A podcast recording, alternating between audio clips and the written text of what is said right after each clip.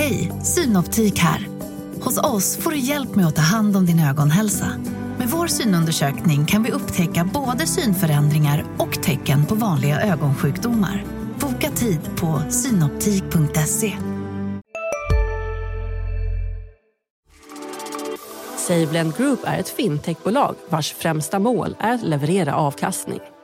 På SaveLends sparplattform kan man investera i ett brett utbud av olika typer av krediter såsom fastighetskrediter, företagslån, konsumentkrediter och fakturaköp. Krediter som tillgångsslag bidrar till ett naturligt kassaflöde och står helt utanför börsens volatilitet. Ett utmärkt komplement till aktier och fonder. Vill du veta mer? Besök savelend.se eller savelendgroup.se. Analyspodden från Dagens Industri. Välkommen till Analyspodden, Dagens Industris podd om börs och roliga och intressanta aktiecase. Idag är det jag, Agneta Jönsson, och min kollega Ulf Pettersson som pratar. Hej Ulf! Hallå, hallå Agneta! Vad tycker du vi ska prata om idag? Vi får väl prata om eh, veckans börsutveckling och så får vi se om vi hittar några spännande case för veckan. Och sen så har det ju ja, det har ju varit eh, lite fram och tillbaka även den här veckan med ganska svag inledning, men bättre dagar mot, mot slutet av veckan här. Det låter bra. Eh, och det är fredag som vanligt och vi spelar in lite senare idag. Klockan är 11 och börsen är upp 1,2 eh, procent just nu. Så denna veckan, är, tittar vi en vecka bakåt så har vi faktiskt hämtat igen 2 procent. Så nu är vi bara ner 17 procent på årsbasis på OMXS30 som nu ligger på 2016. Det har varit lite stökigt på amerikanska räntan också i veckan här. Förra veckan var det uppe som mest i 3,20 och nu har det åkt ner ordentligt så det ligger på runt 2,85 ungefär. Och det är ju då, kan man säga, lite tecken på att man kan se att inflationsförväntningarna kan ha nått toppen. Men det kan också vara en effekt av att många köper obligationer när det är stökigt på aktiemarknaden. Och det såg vi i onsdags när Eh, det gick ner eh, som mest faktiskt. Det var största nedgången sedan juni 2020 när stannade på 500 gick ner 4 procent och Nasdaq 5. Så man ska se lite på de här räntesvängningarna i det ljuset också. Ja, det tror jag. Och eh, överhuvudtaget så har vi haft en eh, väldigt eh, volatil eh, eh, räntemarknad. Den har varit eh, lika volatil eller till och med mer volatil än eh, aktiemarknaden här senaste månaderna och har ju då som du säger Agneta fortsatt under veckan här där vi, där vi hade ett, ett nedställ. Och nu, men nu verkar den kanske ha, ha landat på 2,80 så får vi se vad den tar vägen härnäst och det avgörs ju med, av eh, Feds kommande central, centralbanksmöten och, och inflationssiffrorna förstås eh, för, för maj och juni och framåt.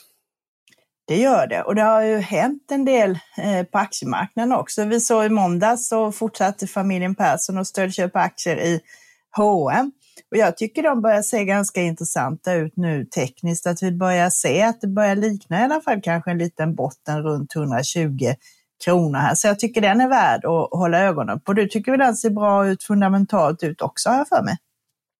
Ja, eh, de hade ju några fantastiska kvartal, eh, eh åtminstone efter, eh, efter omständigheterna under pandemin då man eh, H&M lyckades spara rejält med pengar. Eh, Eh, sen så sista kvartalet kanske inte var riktigt samma kvalitet som, som då, men de har ju det här eh, och det kommer ju nu egentligen, det är inte bara Stefan Persson och hans familj som ska köpa aktier utan även H&M ska ju inleda ett aktieköp, aktieåterköpsprogram och med tanke på att free floaten är, eh, för att vara ett sådant storbolag, ganska liten så kan ju det ha en positiv effekt på kort, på kort sikt. Och, eh, nej, de har ju en historik av att kunna hantera motgångar eh, bra och jag håller med dig, på 120 spänn så är den inte särskilt, särskilt farligt värderad och eh, uppenbarligen tycker liksom Stefan Persson att den är, är billig då. Han har i och för sig köpt eh, på högre kurs än så här, men, men eh, ändå, jag håller med dig och eh, aktien har ju gått svagt. Den är ju den, stod väl, den var väl ner på 100 spänn som lägst under pandemin i mars 2020, men, men eh,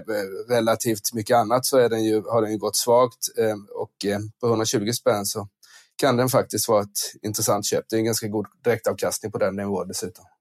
En annan grej som jag tycker verkar lite spännande nu i onsdags då när det var stökigt här också gick ner över en procent. Då kom Millicom med villkor på sin nyemission. De har ju sagt det redan tidigare att de ska ta in pengar för att de har köpt nu ett bolag som de tidigare ägde tillsammans med partners i Guatemala och nu köper de in det och äger det själva och då ska de nu göra en nyemission på 746 miljoner dollar eh, för det här.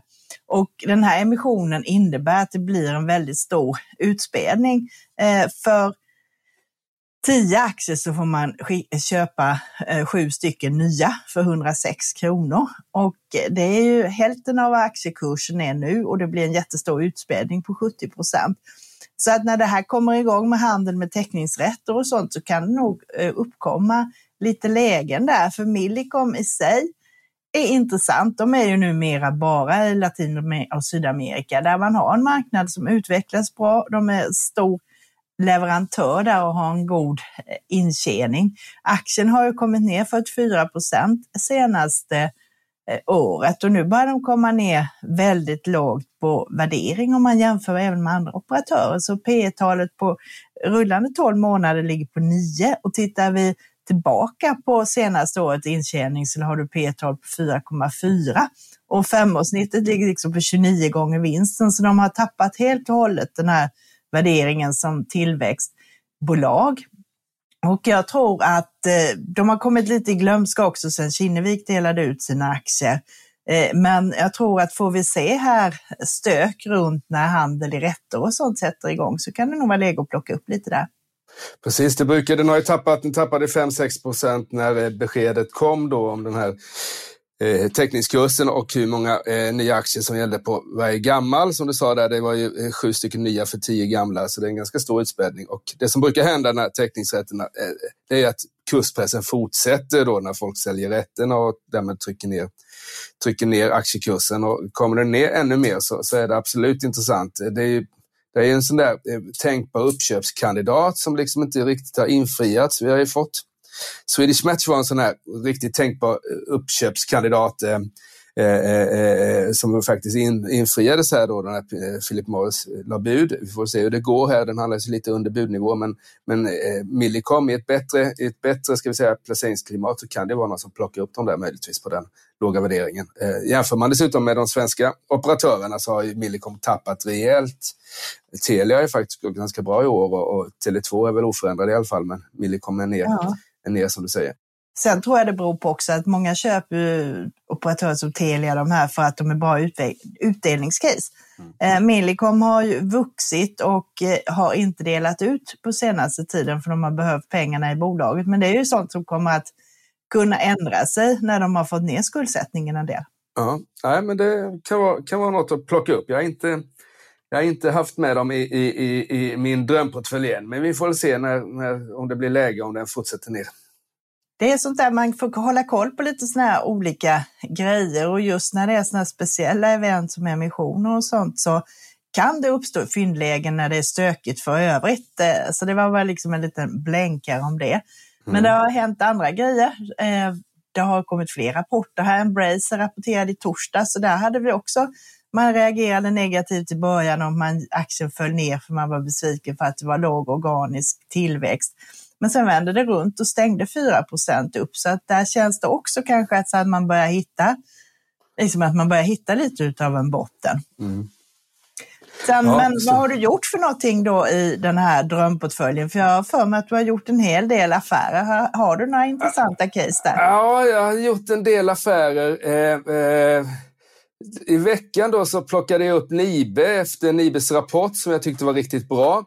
Alltså värmepumpsbolaget Nibe som steg, den inledde dagen under rapportdagen upp en eh, 8 procent var det som mest och så stängde den upp 3 procent och sen så eh, tappade den lite dagen efter men så har den återhämtat en del här. Jag tyckte att eh, eh, eh det som, var, det som var, eh, lockade mig i, i NIB-rapporten var väl mm, den fantastiskt goda efterfrågan som finns på deras produkter. Då. Det är väl inte någon överraskning med tanke på att vi ska göra oss oberoende av rysk energi så måste vi ha då Eh, dels så ska vi satsa väldigt mycket på vindkraft, men vi måste ändå så att säga, spara på, på den energi som finns och då, då har de produkter för det.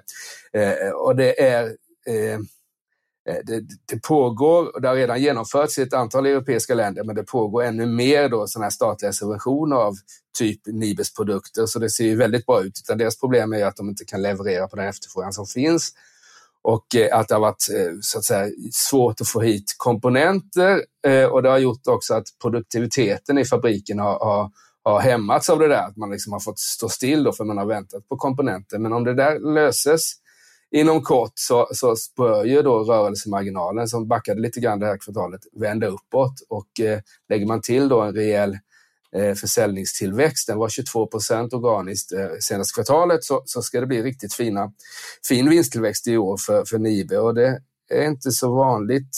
Annars har ju liksom trenden varit att, att man liksom börjar se mer och mer oroligt på vinstutvecklingen i bolagen med tanke på, på komponentbrist och lägre tillväxttakt och sådär. Men eh, Nibe tycker jag sticker ut. Och, ja, den har varit dyr och jag har skrivit artiklar om att den är för dyr för att köpa men, men den har faktiskt kommit ner en del och är fortfarande högt värderad men, men inte dyr utan jag tror att den där kan bli en ganska bra eh, affär på några månaders sikt i alla fall. Men det låter ju intressant och det är såklart det är ju ett stort behov av deras eh, produkter nu. Så att där är de ju verkligen i eh, vinnarhålet så att säga. Mm. Absolut. Eh, det var det det. Och sen så, det var Nibe som jag köpte eh, och sen så chansköpte jag faktiskt eh, Storskogen också, det här förvärvskonglomeratet efter deras rapport. Eh, den kom ju ner eh, 17 procent, hade väl en av sina absolut sämsta dagar som börsnoterat bolag. Eh, det var den här rapporten och sen så var det Q4-rapporten och Q3-rapporten var också, fick också väldigt svagt mottagande. Men då kom den ner här till 16-17 spänn och tappat tre fjärdedelar av börsvärdet och då tänkte jag att den där kan nog rekylera upp när eh, analytikerkommentarerna kommer in här efter rapporten. Eh, och det, det gjorde den faktiskt också. Den var upp nästan 10 procent igår. Eh, det var mycket stora neddragningar, men det var fortfarande liksom köprekommendationer på den där och riktkurserna ligger ju en eh, 75 procent ungefär över nuvarande kurs. Och då, då tänkte jag att det där, kanske den vände upp lite grann och så får vi se hur länge jag äger den aktien då. Men det här är ju en tävling som varar bara fram till eh, mitten av juni så det gäller att vara så att säga, tänka det är lite mer på lite så här kortsiktigt återhämtnings... Ja, man får ju välja vilken strategi man vill, men det är klart att ska man, ska man vinna den där tävlingen, vilket det lär jag väl inte göra, men, men om man ska liksom komma så bra som möjligt så måste man nog vara lite aktiv tror jag. Och jag, det har gått hyfsat. Jag ligger på plats 17-1800 av 20 000, så det är väl ändå godkänt tycker jag. Det tycker jag absolut det är. Mm. Jag skrev lite om det där i tidningen också, det där med, man säger ju alltid att eh, man ska ligga, sitta stilla i båten och vara långsiktig och att time in the market eh, alltid slår tajmning av marknaden så att säga. Eh, men det är ju inte riktigt alltid så. Nej, absolut inte. Vad, vad, berätta mer, vad, vad var det? När ska man, eh, har du någon idé när man ska lämna och när man ska gå in och sånt där, hur man ska tänka lite mer? Precis, jag tittade på eh, då en, ett räkneexempel från den amerikanska sajten All Charts. som visade då liksom om du hade missat de hundra bästa dagarna under sedan 90-talet eh, så skulle du ha en avkastning på minus 5,1 procent per år. Om du låg fullinvesterad hela tiden skulle du ha 7,9 i snittavkastning. Och om du missade bara alla dåliga dagar, de 100 sämsta, så skulle du ha ett snitt på 23. 23,8. Så du ser, det är väldigt stor skillnad på mm. att missa de bästa och de dåliga. Men ja. sen kommer ju de där ofta i klump, så att eh, ofta kommer ju de bra dagarna efter de riktigt dåliga. Mm. Eh, så om man tar bort både de sämsta och de bästa hundra så får du en snittavkastning på 8,9, en hel procentenhet bättre per år då eh, sedan 1990. Och det funkar ju inte att göra så i praktiken för vi vet ju inte innan när de här kommer att komma. Mm. Men det man kan göra det är ju att försöka minska eh, toppar och bottnar på olika sätt. Och ett sätt är ju att jobba med kassa eh, och då kan man titta lite på eh, VIX-index när det är riktigt högt. Som allra högst har det varit uppe i 80. Det har det varit två gånger då, 2008 och 2020, eh, sedan då 1992. Och annars brukar det toppa ungefär mellan 30 och 40 och där har vi varit och snurrat nu. Och så lugnar det ner sig och kommer ner runt 20. Och eh, när det har varit riktigt lugnt så har det till och med varit ner mot 12. Men det man kan göra är att när det när det är lite lugnare så kan man ta och skala ner i sina innehav som har gått bra eller minska och öka andelen kassa. Och då har man ju pengar när det är stökigt som nu och kan passa på att plocka upp lite grejer som du har gjort här med fyndköp och sånt. Sen finns det massor med andra strategier med derivat och såna här grejer man kan jobba med. Men jag tycker att det är klokt att jobba lite mer aktivt på det här sättet och det gör också att man kanske får lite mindre ont i magen när det rasar och man inte är helt fullinvesterad. Precis, så, så konklusionen är att köp, köp, nav, köp Navix förhöjd och, och eh, ta, ner, ta ner aktiendelen när den är väldigt låg. Det är precis, för att eh, innan, man brukar ju kalla det där för skräckindex, eh, mm. men det, sticker, det har blivit att det sammanfaller mer med faktiskt hur marknaden går, så när det redan är uppe där, då är det lite för sent att, att sälja många gånger. Så att hålla koll på det och när man mm. säger att det börjar mattas av lite och du ser att det börjar glida lite neråt. Så att det är ett, en tips och ett variant som man kan hålla koll på här. Bra. Och du då? Jag gav jag ju två, två aktietips här. Vi brukar ju numera ge, ge lite specifika, specifika tankar kring enskilda aktier. Har du någon, någon idé förutom Millicom? Ja, då ska jag slå dig och ta tre stycken. Eh, Oj, jag, jag har nämligen köra, gjort. Får köra extra sändning. Eller hur? Nej, men jag har faktiskt gjort en genomgång i veckan här på de sex nordiska storbankerna och tittat på hur det ser ut efter rapporterna för första kvartalet. Och kontentan är det här lite att nu är det fokus på räntenetto och du ser att Norge visar vägen lite. De börjar ju höja sina räntor i september eh, förra året och har höjt två gånger sedan dess.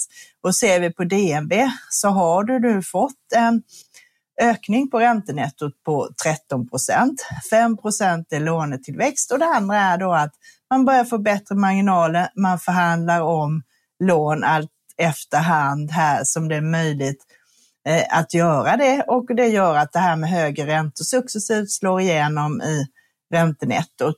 DNB är också en sån bank som har en stor andel bolån. De har en marknadsandel på runt 23 procent. I Norge, det är ungefär som Handelsbanken och Swedbank har här hemma. Eh, och då kan man jämföra lite eh, till exempel och då tittar jag på Handelsbanken som då har mycket bolån. Man har en ganska försiktig Eh, kreditportfölj och försiktig och ganska låg risk i sin kreditgivning även till andra typer av fastigheter. Och de är precis som DNB, att de har en stor del av intäkterna just från räntor. Tittar vi på DNB så hade då de 69 procent av totala intäkter från räntenetto. Handelsbanken har 65 och så har du Swedbank på 59 eh, och de andra tre bankerna där det finns ett samhälle, där finns det brott. Krimrummet är podden som tar brottsligheten på allvar. Jag bjuder in landets ledande experter och tar upp aktuella rättegångsfall för att begripliggöra den kriminalitet som kryper allt närmare. Du, alltså, du kan knäcka ett eller några gäng, men det kommer komma nya och så kan vi knäcka dem sen. Men att du ska knäcka allt forever, det kommer aldrig ske. Det är infinite game. Lyssna på Krimrummet, en podd från Expressen med mig Kim Malmgren. Vi är specialister på det vi gör, precis som du. Därför försäkrar vi på Swedea bara småföretag, som ditt. För oss är små företag alltid större än stora och vår företagsförsäkring anpassar sig helt efter firmans förutsättningar. Gå in på swedea.se företag och jämför själv. Då Nordea och eh, Danske Bank och SEB ligger runt 50 procent och har lite mer beroende av provisionsnetto. Då. Så tror man på det här räntecaset så tycker jag Handelsbanken är intressant och även utav den anledningen att man håller på att avyttra verksamheterna i Finland och Danmark där man då både frigör kapital som kan användas till annat, då antingen att dela ut till aktieägarna, men man har också sagt att man inte är främmande kanske för återköp. Och man har också vänt runt lite i Storbritannien som har varit riktigt jobbigt i många år. Nu sa man när, när det gäller räntenettot hade man bästa kvartalet på Eh, åtta kvartal där. Så det hjälper också till att lyfta upp det hela lite. Så att jag har satt den som den som är lite min favorit nu givet den här stökiga marknaden eh, och givet deras eh, låga värdering mot vad de har handlats tidigare. De handlas på med 7% premie mot eget kapital och det har varit betydligt högre och de handlas alltså tio gånger vinsten och har en direktavkastning på drygt 5 Så jag tycker det ser bra ut. Och sen har, tycker, tog jag SEB som tvåa. De är ju då mer beroende utav aktivitet på kapitalmarknaden kan man säga, men även storföretagen och vad de gör och affärer och transaktioner och börsnoteringar och eh, sådana här saker. Så kommer marknaden igen lite snabbare och det blir lite fart, då har de ofta möjlighet så att säga att vända runt ganska snabbt.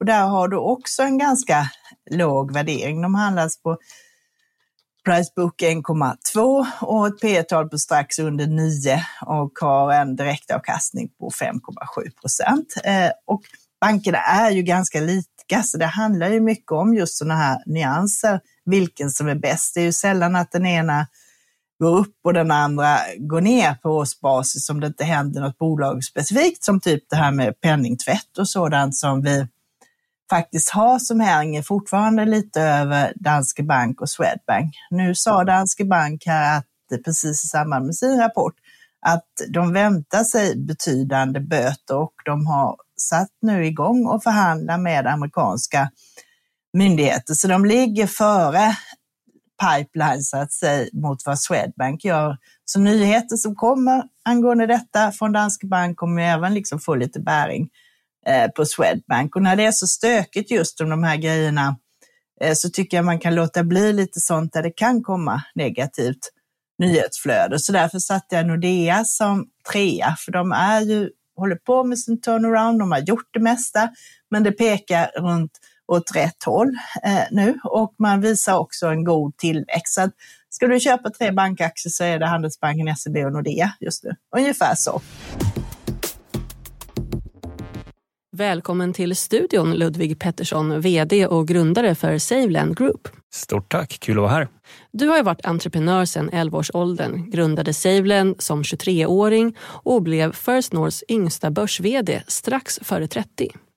Men du, ni har nyligen släppt er delårsrapport för första kvartalet 2022. Vad vill du att vi tar med oss från den? Att vi kör på och växer med 56 procent year on year men framför allt att vi ser tillväxt i båda våra framåtblickande nyckeltal, kapital på plattformen och antal fakturatransaktioner. Vi har också tagit flera viktiga beslut under kvartalet och fokuserar nu på lönsamhet tidigare än planerat för att bättre parera rådande omvärldsläge. Men hur ser snittavkastningen ut nu med ett skakigt första kvartal bakom oss? Den ser fortsatt bra ut och snittavkastningen på sparplattformen för de senaste 12 månaderna ligger på 9,4 procent efter kreditförluster och avgifter. Och det här är såklart en fantastisk siffra och det är en bred bas av olika typer av krediter som ligger bakom den. Det är förstås väldigt glädjande att vi fortsätter att leverera under rådande omständigheter. Hur ser framtiden ut då för SaveLend Group och sparande i krediter? Ja, men jag tycker den ser mycket ljus ut och så länge vi levererar åt våra kunder så har vi ett existensberättigande och vi levererar extra bra i dessa tider. Krediter som tillgångslag står utanför börsens volatilitet och är ett mycket bra alternativ, både på grund av möjligheten till riskspridning och sett till kassaflöde. Och som vi själva säger, money shouldn't sleep och med den här inflationen är det viktigare än på länge att inte urholka pengarnas värde och där är vi ett utmärkt val. Men du, om man vill veta mer, vad vänder man sig då? Vill du börja spara pengar hos oss så är det savelend.se, spara låna alltså. Eller om du vill läsa mer om bolaget så är det savelandgroup.se. Tack Ludvig Pettersson, VD och grundare för Saveland Group för att ni var med och sponsrade Analyspodden. Stort tack. Vi har ju en veckans aktie också som vi brukar nämna här. Det var väl eh, Rickard Båse som eh, eh, lyfte på locket på Ericsson och satte köp den här veckan. Ja, och det är ju lite spännande. Eh, de har ju många, så att säga, många svårigheter med dels det här stora eh, förvärvet eh, de har, håller på och har gjort där och det som är lite liknande Sinch. Så att säga. Och sedan har man haft det jobbigt med lönsamheten i det här som kallas för digital service som fortfarande går med förlust. Och sen har du de här nygamla skandalerna med mutor nu med IS-koppling då. Eh, så att det, men däremot så ser jag på plussidan också att de har ett högt fritt kassaflöde. Eh, de har ett mål att ligga på 9-12 procent av omsättningen framöver. Och Rickard tror att de kommer kunna ligga på 10 procent här 2022-2023 här. Samtidigt som de nu tar marknadsandelar på 5G och så. Så att och de har lite mer att göra för att förbättra lönsamheten. Så med P tal på 9 och 10 gånger vinsten här ser det intressant ut. Så han tycker att den borde vara värd över 100 kronor i alla fall. Håller du med om det? Ja, eh, det är ju, som sagt var, den, den, är ju pressad av olika anledningar. Jag tror det framförallt är amerikanska investerare som har övergivit Ericsson-aktien, men den är faktiskt en av sex aktier som jag har med i min drömportfölj här. Så eh, då håller jag med om att den i alla fall på kort sikt kan, kan rekulera upp. Och dels är det väl lite chansning att det ska hända någonting med de här böterna och att det inte blir för blodigt. Eh, eh, det kanske inte hinner hända innan juni, men vi får väl se. Och sen så var det lite att den där är eh, jag har varit så där lite skeptisk till eh, ska vi säga, allmän verkstad som är tungt på Stockholmsbörsen. Och om nu konjunkturen är ner så ska man inte ha det där och då kanske, då kanske man letar aktier som inte följer de vanliga eh, konjunkturtrenderna och då hamnar man i, i Ericsson liksom, för telekommarknaden så att säga drivs av lite av sin egen trend med den utbyggnad som sker nu av 5G. Så det håller jag med om och jag håller med om att den är lågt värderad och dessutom så kom det en massa nyheter i Ericsson den här veckan faktiskt, där de gjorde en omorganisation, slog ihop sina två sämsta affärsområden och gjorde sig av med, eh, det var väl inte riktigt förklarat varför deras gamla eh, Asien och Mellanösternchef fick lämna, men det kan ju ha att göra med de här böterna och sånt där exempelvis. Så då, då kanske det tyder på att det finns en, man har kommit lite närmare där. Och sen så exempelvis så Kanada nu valde bort Huawei och då är det väl möjligt att Nokia och och Ericsson får, får lite fler order där också. Så det, det, jag håller med om att det där kan vara, kan vara intressant och framförallt i ett, i ett lite sämre börsklimat så tror jag liksom Ericsson kanske kan hålla uppe just för att den är lågt värderad. Mm, intressant. Sen kommer det hända en del grejer nästa vecka också eh, som vi kan säkert agera på. Eh, vi har IFO-index, det är ju Tyskland där näringslivet säger vad de tror om framtiden och utvecklingen i industrin och det är intressant att se hur det ser ut där. Sen har du Lundbergs, eh, fastighetsbolaget eh, och investmentbolaget rapporterar ju då vid lunchtid eh, på tisdag. Det. Och de brukar vara, komma lite efterslänta. Så vi vet ju mycket, vi vet ju hur det ser ut i deras innehav, men det är intressant att se hur det har utvecklats med deras onoterade eh, fastighetsportfölj. Just det. Och där får vi väl se, de brukar ju vara, den är ganska försiktigt värderad i, i böckerna där. Eh, eh Lundbergs värderas nu till en rabatt på 7-8 procent vet jag och eh, eh, eh dessutom så eh, har de ju då, äger de ju Industrivärden som också har lite rabatt, så det är lite rabatt på rabatten där. Men eh, man får väl inte förvänta sig några stora, stora händelser i, i Lundbergs rapport, utan det som har skett under kvartalet vet vi ju redan om då, att man fortsatt addera lite fler aktier i sin i sin befintliga portfölj där Holmen är största innehav. Sedan får vi sådana här inköpschefsindex för industrin i många länder på tisdag, eh, som som USA och eurozonen här. Sen på onsdag så är det ett spännande bolag som rapporterar Elekta. Det är också sådana som har jobbat lite i motvind ett tag nu här. Ja, det har de. Eh, de har haft eh, och väldigt stökiga rapporter. Aktien har tappat nästan 40 procent av börsvärdet här och det har varit så att säga, jag, jag, jag, brukar skriva om de där i samband med kvartalsrapporterna och det såg riktigt bra ut för ett par kvartal sedan. Eh, optimistisk vd och det verkar som att marginalförbättringen var på gång då efter liksom pandemin har pressat en del. Men sen så blev det bakslag igen och sådär. Det enda man nästan med säkerhet kan säga om Elektas rapport är väl att det kommer bli lite kursrörelse, för det brukar vara en sån där aktie som kan röra sig eh, tvåsiffrigt egentligen på varenda rapport. Ja, men det är det väl och det är väl lite hur orden trillar in och sådant också. För det är ju få men dyra prylar de säljer om man säger så. Så är det. Det kan kosta 100 miljoner. Det är deras dyraste, deras dyraste eh, sådana här cancerkanoner. Och sen får man det här Fed-protokollet från senaste räntemötet för de som är intresserade och läsa detaljer på det kan roa sig med det på onsdagskvällen. Och sen på torsdag så är det stängt på börsen för då firar vi ju Kristi himmelfärdsdag här hemma i alla fall. Just det, och sen så blir det väl, kan man tänka sig, lite mer avvaktande handel då på fredagen eftersom det är en perfekt klämdag för de som vill vara ute i, i, i, i vårnaturen istället för att hålla på och handla med aktier. Men vi ja, och du kanske tillhör en av dem, för jag för mig det är Johan Wendel och jag som får sitta här och snacka Jaha, är det det? Är det, det? Nej, men jag, jag, jag är uppsatt på, jag tror jag till och med är uppsatt på någon artikel den dagen. Så, jag kommer så nog... du slipper inte jobba nej, i alla fall? Nej. Jag, jag, ska inte podda, men jag ska nog skriva tror jag. Eh, men jag, ja, jag har inte riktigt tittat så långt fram i kalendern än, men jag för mig jag såg det någonstans. Ja, men vi det får jobba väl... vidare. Det är i alla fall en grej som händer. Det är den här eh, norska Tomra, ni vet det här pantbolaget eh, som har räknats som ett riktigt gott ESG-case men också är högt värderat och splittas så en aktie blir två och det kan ju hända lite där.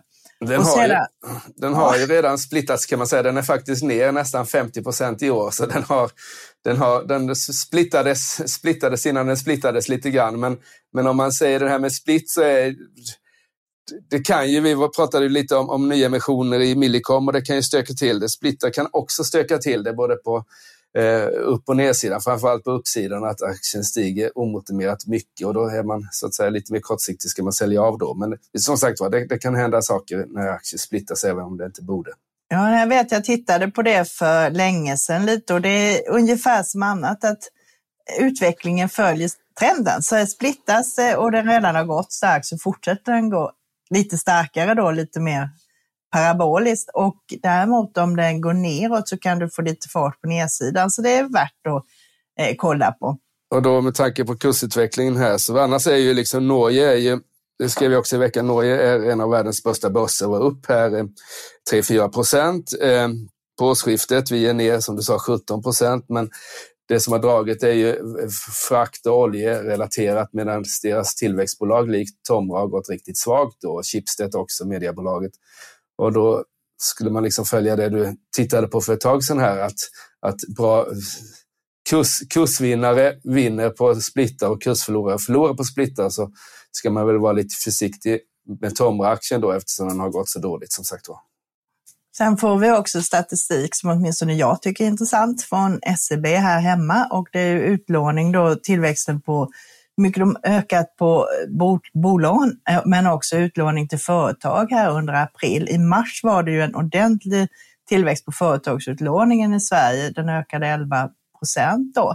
Och det kan vara lite sådär hamstringseffekt efter eh, Ukraina utbrottet där i, då, i februari. Så att lite som man gjorde under pandemin, att man passade på att ta lite krediter ifall det skulle bli stökigt. Så den är intressant att kolla. Och sen har ju bolånen legat på 6,9-7 procent här och se om de också börjar takta av lite här. Så det kommer jag hålla koll på. Mm, och det låter rimligt, för tittar man på jag skrev en artikel om kassaflödena i storbolagen här, hur de var rejält försvagade under första kvartalet. Och då skulle man kunna tänka sig att man har faktiskt då i, i mars månad, som du sa där, att man har liksom tagit, tagit lån eftersom man har haft dåliga kassaflöden. Men rimligtvis så bör ju kassaflödena förbättras, annars vi, eh, är det oroande där ute eh, och då borde ju så att säga, den lånetillväxten hos bankerna gå ner lite grann kan man tänka sig om jag fick göra någon slags eh, eh top-down analys. Och tar vi bolånen ska det bli jättespännande att se, för nu har man ju Priserna var ju upp eh, så sent som i april här, men nu kom det väl statistik i veckan att de faktiskt börjar backa lite. Det är ju högst förväntat med tanke på ränteuppgången då. Men, och det borde ju så att säga också pressa eh, lånetillväxten lite grann, åtminstone att man gör lite färre. Bomarknaden brukar inleda med att man gör färre affärer och sen så faller priserna eller minskar priserna. Så det borde vara lite lugnare på utlåningstillväxten om jag får gissa. Det kan säkert vara så. Eh, norska DNB de äger ju också en fastighetsförmedlare, fastighetsmäklare, DNB Egendom.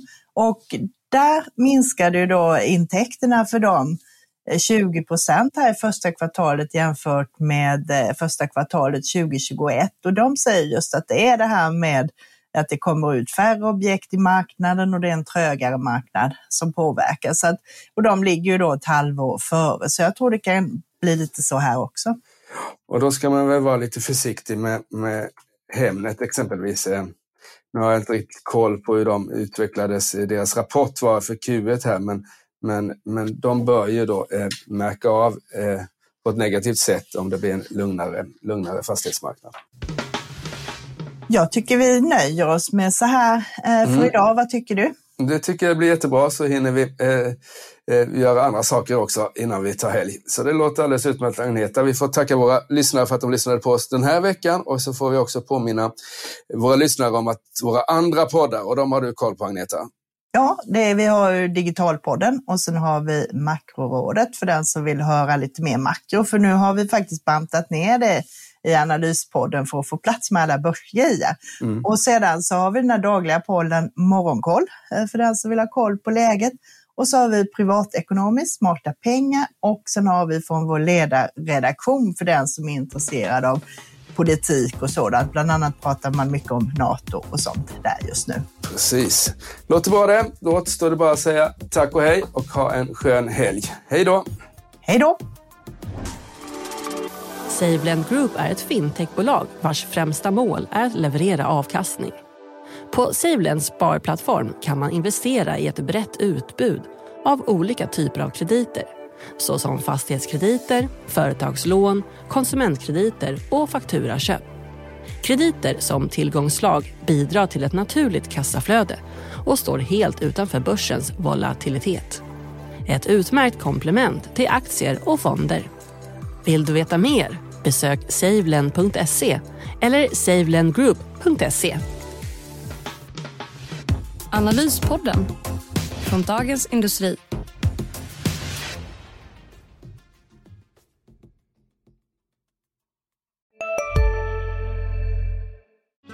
Hej, Susanne Axel här. När du gör som jag och listar dig på en av Krys vårdcentraler får du en fast läkarkontakt som kan din sjukdomshistoria.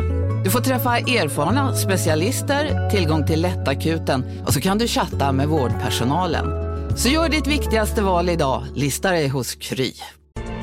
Kurrar i magen och du behöver få i dig något snabbt? Då har vi en Donken deal för dig. En chicken burger med McFeast-sås och krispig sallad för bara 15 spänn. Varmt välkommen till McDonalds.